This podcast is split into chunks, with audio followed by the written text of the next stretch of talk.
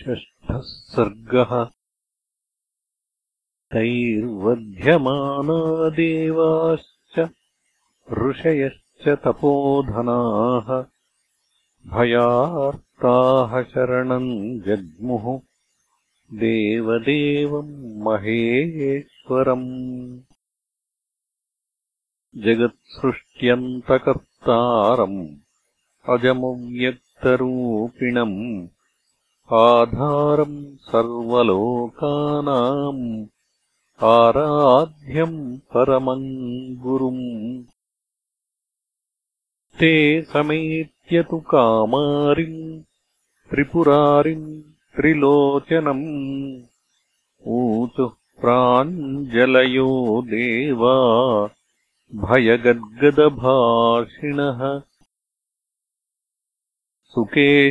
सुकेशपुत्रैर्भगवन् पितामहवरोद्धतैः प्रजाध्यक्षप्रजा सर्वा बाध्यन्ते रिपुबाधनैः शरण्यान्यशरण्यानि ह्याश्रमाणि कृतानि नः स्वर्गाच्च देवान् त्याव्य सर्वे क्रीडन्ति देववत्। अहम् विष्णुरहम् रुद्रो ब्रह्माहम् देवराडहम्। अहम् यमश्च वरुणः चन्द्रोऽहम् रविरप्यहम्। इति माली सुमाली च माल्यवांश्चैव राक्षसाः बाधन्ते समरोद्धर्षा ये च तेषाम् पुरःसराः तन्नो देवभयार्तानामभयम् दातुमर्हसि अशिवम् वपुरास्थाय जहि वै देवकण्टकान्। इत्युक्तस्तु सुरैः सर्वैः कपर्दी नीललोहितः सुकेशम् प्रति सापेक्षः प्राह देवगणान् प्रभुः। अहम् तान्न हनिष्यामि मयावध्याहिते सुराः। किन्तु मन्त्रम् प्रदास्यामि यो वै तान्निहनिष्यति एतमेव समुद्योगम् पुरस्कृत्य महर्षयः गच्छध्वम् शरणम् विष्णुम् हनिष्यति सतान् प्रभुः। ततस्तु जयशब्देन प्रतिनन्द्य महेश्वरम् विष्णोः समीपमाजग्मुः निशाचरभयार्दिताः शङ्खचक्रधरम् देवम् प्रणम्य बहुमान्य च ऊतुः सम्भ्रान्तवद्वाक्यम् सुकेशतनयान् प्रति। सुकेशतनयैर्देव त्रिभिः त्रेताग्निसन्निभैः आक्रम्य वरदानेन स्थानान्यपहृतानि नः लङ्कानामपुरी दुर्गा त्रिकूटशिखरे स्थिता तत्र स्थिताः प्रबाधन्ते सर्वान्नः क्षणदाचराः स त्वमस्मद्धितार्थाय जहितान्मधुसूदन शरणम् त्वाम् वयम् प्राप्ता गतिर्भवसुरे चक्रकृत्तास्य कमलान् निवेदययमाय वै। भवेष्वभयदोऽस्माकम् नान्योऽस्ति भवता विना। राक्षसान् समरे दुष्टान् सानुबन्धान् मदोद्धतान् नुदत्वम् नो भयम् देव निहारमिव भास्करः। इत्येवम् दैवतैरुक्तो देवदेवो जनार्दनः।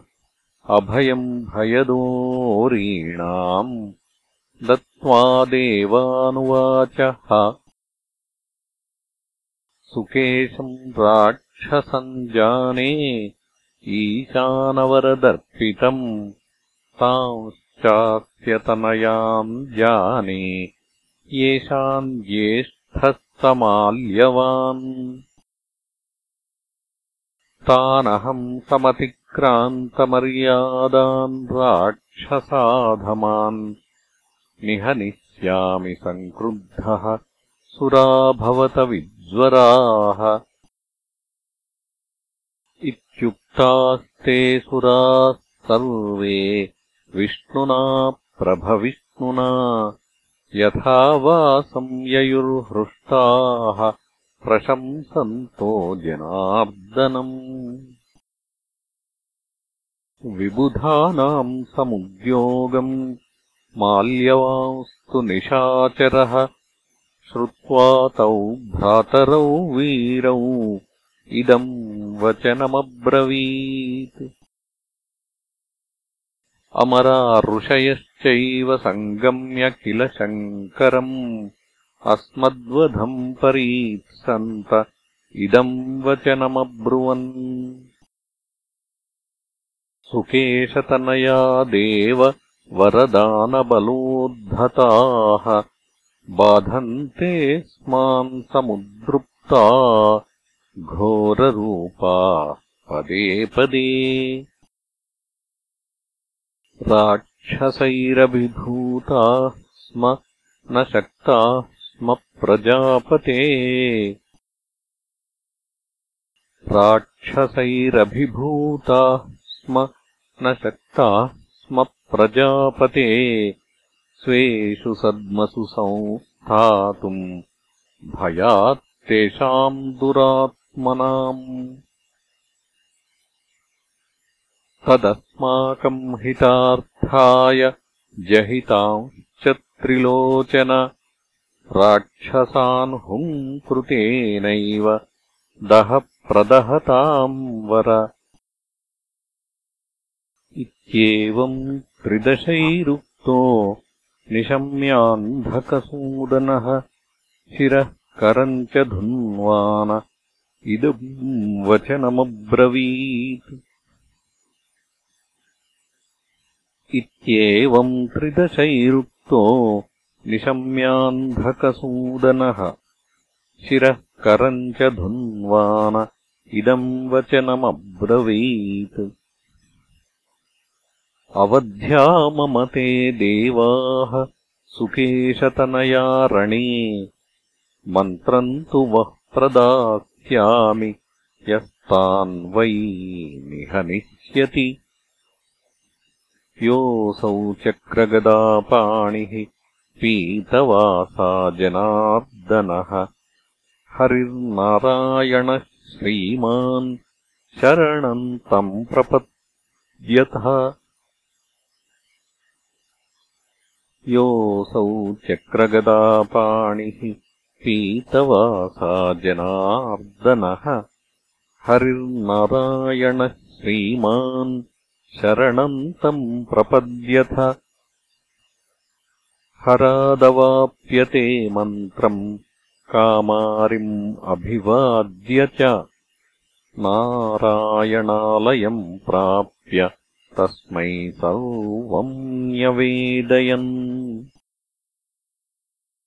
ततो नारायणेनोक्ता देवा इन्द्रपुरोगमाः सुरारींस्तान् हनिष्यामि सुरा भवत विज्वराः। देवानाम् भयभीतानाम् हरिणा राक्षसर्षभौ प्रतिज्ञातो वधोऽस्माकम् चिन्त्यताम् यदिह क्षमम् हिरण्यकशिपोर्मृत्युः अन्येषाम् च सुरद्विषाम् नमुचिः कालनेमिश्च संह्रादो वीरसत्तमः। राधेयो बहुमायी च लोकपालोऽथ धार्मिकः यमलार्जुनौ च हार्दिक्यः शुम्भश्चैव निशुम्भकः असुरादानवाश्चैव सत्त्ववन्तो महाबलाः। सर्वे समरमासाद्य न श्रूयन्ते पराजिताः। सर्वैः क्रतुशतैरिष्टम्। सर्वे मायाविदस्तथा। सर्वे सर्वास्त्रकुशलाः सर्वे शत्रुभयङ्कराः। नारायणेन निहताः शतशोथसहस्रशः एतज्ज्ञात्वा तु सर्वेषाम् क्षमम् कर्तुमिहार्हथ। ततः सुमाली माली च श्रुत्वा माल्यवतो वचः ऊचतुर्भ्रातरम् ज्येष्ठम् भगांशाविववासवम् स्वधेतम् दत्तमिष्टम् चाप्यैश्वर्यम् परिपालितम्। आयुर्निरामयम् प्राप्तम्। सुधर्मः प्रापितः पथि। देवसागरमक्षोभ्यम् शस्त्रैः समवगाह्य च जिताद्विषो ह्यप्रतिमाः तन्नो मृत्युकृतम् भयम्। नारायणश्च रुद्रश्च शक्रश्चापि यमस्तथा। अस्माकम् प्रमुखे स्थातुम् सर्वे बिभ्यति सर्वदा विष्णोर्द्वेषस्य नास्त्येव कारणम् राक्षसेश्वर। देवानामेव दोषेण विष्णोः प्रचलितम् मनः। तस्मादद्य समुद्युक्ताः सर्वसैन्यसमावृताः। देवानेव जिघांसाम एभ्यो दोषः समुत् एवम् सम्मन्त्र्यबलिनः सर्वे सैन्यसमावृताः। उद्योगम् घोषयित्वा तु सर्वे नैरृतपुङ्गवाः युद्धाय निर्ययुः क्रुद्धा जम्भवृत्रबला इव इति ते रामसम्मन्त्र्य सर्वोद्योगेन राक्षसाः। युद्धाय निर्ययुः सर्वे महाकाया महाबलाः। स्यन्दनैर्वारणैश्चैव हयैश्च करिसन्निभैः। खरैर्गोभिरथोष्ट्रैश्च शिंशुमारैर्भुजङ्गमैः मकरैः कच्छपैर्मीनैः विहङ्गैर्गरुडोपमैः सिंहैर्वाघ्रैः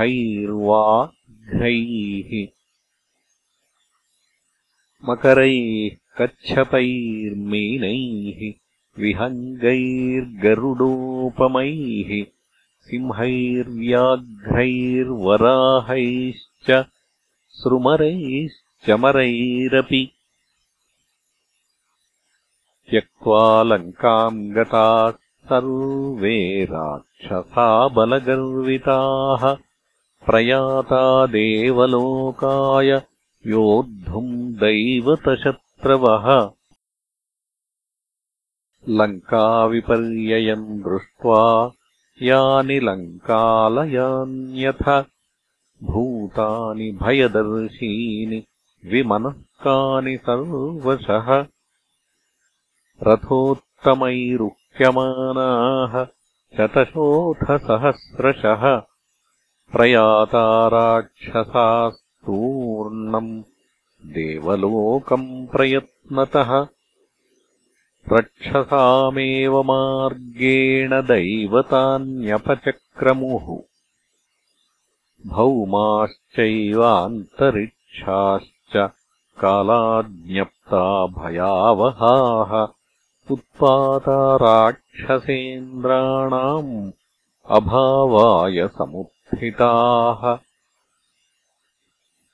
अस्थीनि मेघाववृषुः उष्णम् शोणितमेव च वेलाम् समुद्राश्चोत्क्रान्ताः चेलुश्चाप्यथ भूधराः अट्टहासान् विमुञ्चन्तो घननादसमस्वनाः वाच्यन्तश्च शिवास्तत्र दारुणम् घोरदर्शनाः। सम्पतन्त्यथ भूतानि दृश्यन्ते च यथाक्रमम् वृद्धचक्रम् महच्चात्र प्रज्वालोद्गारिभिर्मुखैः रक्षोगणस्योपरिष्टात् परिभ्रमति कालवत्। कपोता रक्तपादाश्च शारिका विद्रुताययुः काकावास्यन्ति तत्रैव बिडाला वै द्विपादयः। उत्पातास्तान् अनादृत्य राक्षसा बलगर्विताः यान्त्येव न निवर्तन्ते मृत्युपाशावपाशिताः। माल्यवांश्च सुमाली च माली च सुमहाबलाः। आसन् पुरःसरास्तेषाम् क्रतूनामिव पावकाः। माल्यवन्तम् च ते सर्वे माल्यमन्तव्याचलम् माल्यवन्तम् च ते सर्वे माल्यवन्तमिवाचलम् निशाचराह्याश्रयन्ति धातारमिव देवताः। तद्बलम् राक्षसेन्द्राणाम् महाभ्रघननादितम्। जयेत्सया देवलोकम्। ययौ मालिवचे स्थितम् राक्षसानाम् समुद्योगम् तन्तु नारायणः प्रभुः देवदूतादुपाश्रुत्य राक्षसानाम् समुद्योगम् तन्तु नारायणः प्रभुः देवदूतादुपश्रुत्य चक्रे युद्धे तदा मनः स यज्ञायुधतूणीरो वैनतेयोपरिस्थितः आसद्य कवचम् दिव्यम् सहस्रार्कसमद्युति। आबध्यशरसम्पूर्णे इषुधीविमले तदा श्रोणिसूत्रम् च खड्गम् च विमलम् कमलेक्षणः। शङ्खचक्रगदा सार्ङ्गखड्गाख्यप्रवरायुधान् सुपर्णम् गिरिसङ्काशम् वैनतेयमथा स्थितः राक्षसानामभावाय ययौ तूर्णतरम् प्रभुः। सुपर्णपृष्ठे स बभौ श्यामः पीताम्बरो हरिः काञ्चनस्य गिरेः शृङ्गे स तटितो यदो यथा स सिद्धदेवर्षिमहोरगैश्च गन्धर्वयक्षैरुपगीयमानः समाससादासुरसैन्यशत्रुः चक्रासिशार्ङ्गायुधशङ्खपाणिः सुपर्णपक्षानिलनुन्नपक्षम् भ्रमत्पताकम् प्रविकीर्णशस्त्रम् चचालतद्राक्षसराजसैन्यम् चलोपलम् नीलैवाचलेन्द्रः। ततः शरैः शोणितमांसरूषितैः युगान्तवैश्वानरतुल्यविग्रहैः। निशाचराः सम्परिवार्य माधवम् वरायुधैर्निर्बिभिदुः सहस्रशः इत्यार्थे श्रीमद् रामायणे वाल्मीकीये आदिकाव्ये उत्तरकाण्डे षष्ठः सर्गः